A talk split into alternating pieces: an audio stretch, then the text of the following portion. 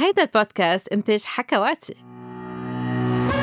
مرحبا مرحبا لجميع المستمعين بحلقة جديدة من حكي صريح مع دكتور ساندرين عبر حكواتي اليوم رح نحكي عن أنواع المزلقات اللي فيكن تستعملوها أثناء الممارسة الجنسية.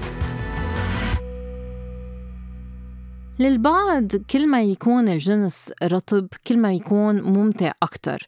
هلأ للبعض الآخر ما بيحبوا يكون في كتير رطوبة هذا بيرجع لتفضيل شخصي.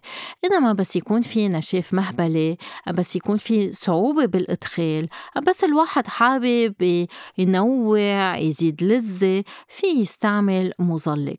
وفي دراسة فرجت أنه استعمال المزلقات بتزيد المتعة والوصول إلى النشوة بين الشريكين. عنا كذا نوع مزلق أم lubricant الواحد فيه يستعمله. في الأنواع اللي منسميها water based يعني معمولة أم مصنوعة من المي. هيدي ال lubricants كتير منيحة لأنه بتناسب البشرة الحساسة ما فيها كتير مواد فيها تأذي المنطقة الحساسة عند الرجل وعند المرأة. إنما هيدي ال lubricants أم المزلقات فيها تنشف بسرعة فبعض الأشخاص ما بيحبوها. كمان هي منيحة لأنه ما بتجوي ما بتجوي الشراشف دغري بتنشف ما رح تخلي علامة. إنما البعض بحسوا إنه بعد ممارسة لخمسة أم عشر دقايق ما عاد موجود ال lubricant ورح يعوزوا إنه يرجعوا يزيدوا ويزيدوا ال lubricant. إذا أنتم حابين تستعملوا المزلقات المصنوعة من المي بس تأكدوا إنه ما في بقلبها آه، مواد بتأذي المهبل مثل ال parabens أم الجليسرين أم غير مواد تكون اصطناعية. النوع الثاني من ال lubricants هن اللي معمولين من الزيت إنما الزيت عادة ما بيناسب ال condoms أم الواقي الذكري يعني في ينخزق ال condom إذا نحن استعملنا زيت.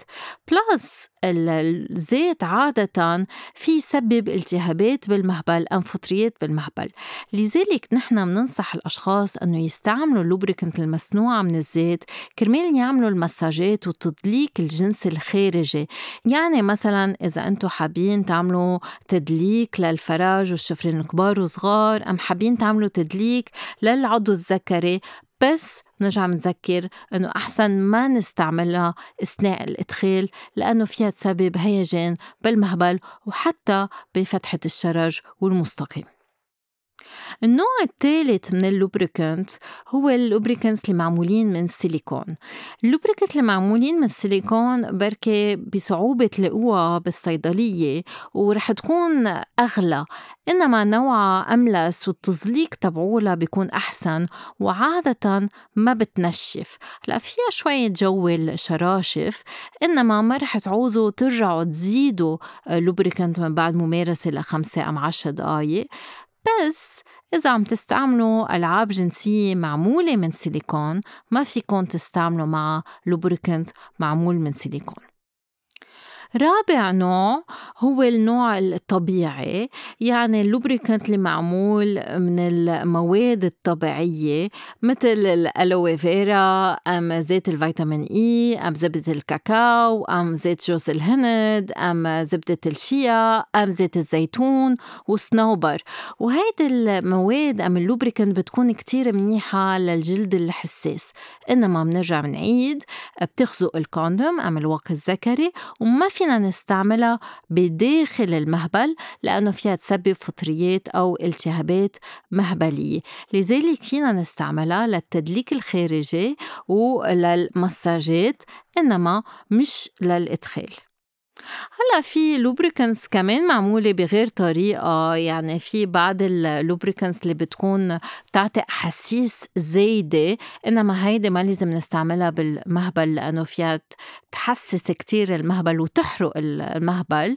وفي بعض اللوبريكنس بيكون عندها نكهات خاصة إذا الشريكين حابين يمارسوا الجنس الفموي.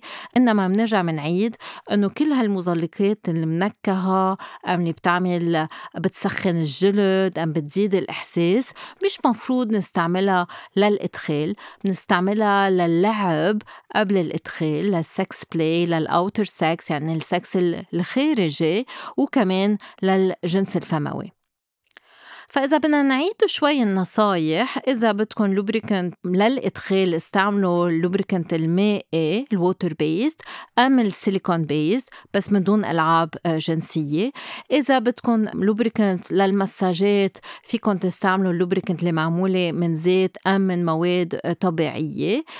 إنما ما لازم أبدا نستعمل أي مواد مثل آه، الفازلين أم ال baby oil لأنه كتير مسمة أم كتير بتسبب مشاكل بالمهبل وما لازم نستعمل اللعاب لأنه اللعاب فيه ينقل أمراض منتقلة جنسيا ولأنه كمان بنشف دغري فمنه طريقة لتزليق العلاقة الجنسية. وإذا عم بتعانوا من نشاف مهبلي أم من وجع أثناء الجنس ما تستحوا تحكوا عن الموضوع. وكمان ما تستحوا تعملوا subscription uh, لل podcast تعملولنا like و share وتسمعوا كل الحلقات اللي إلهم علاقة بالألم الجنسي بالنشاف المهبلي وبالمزيد من المواضيع. يلا باي باي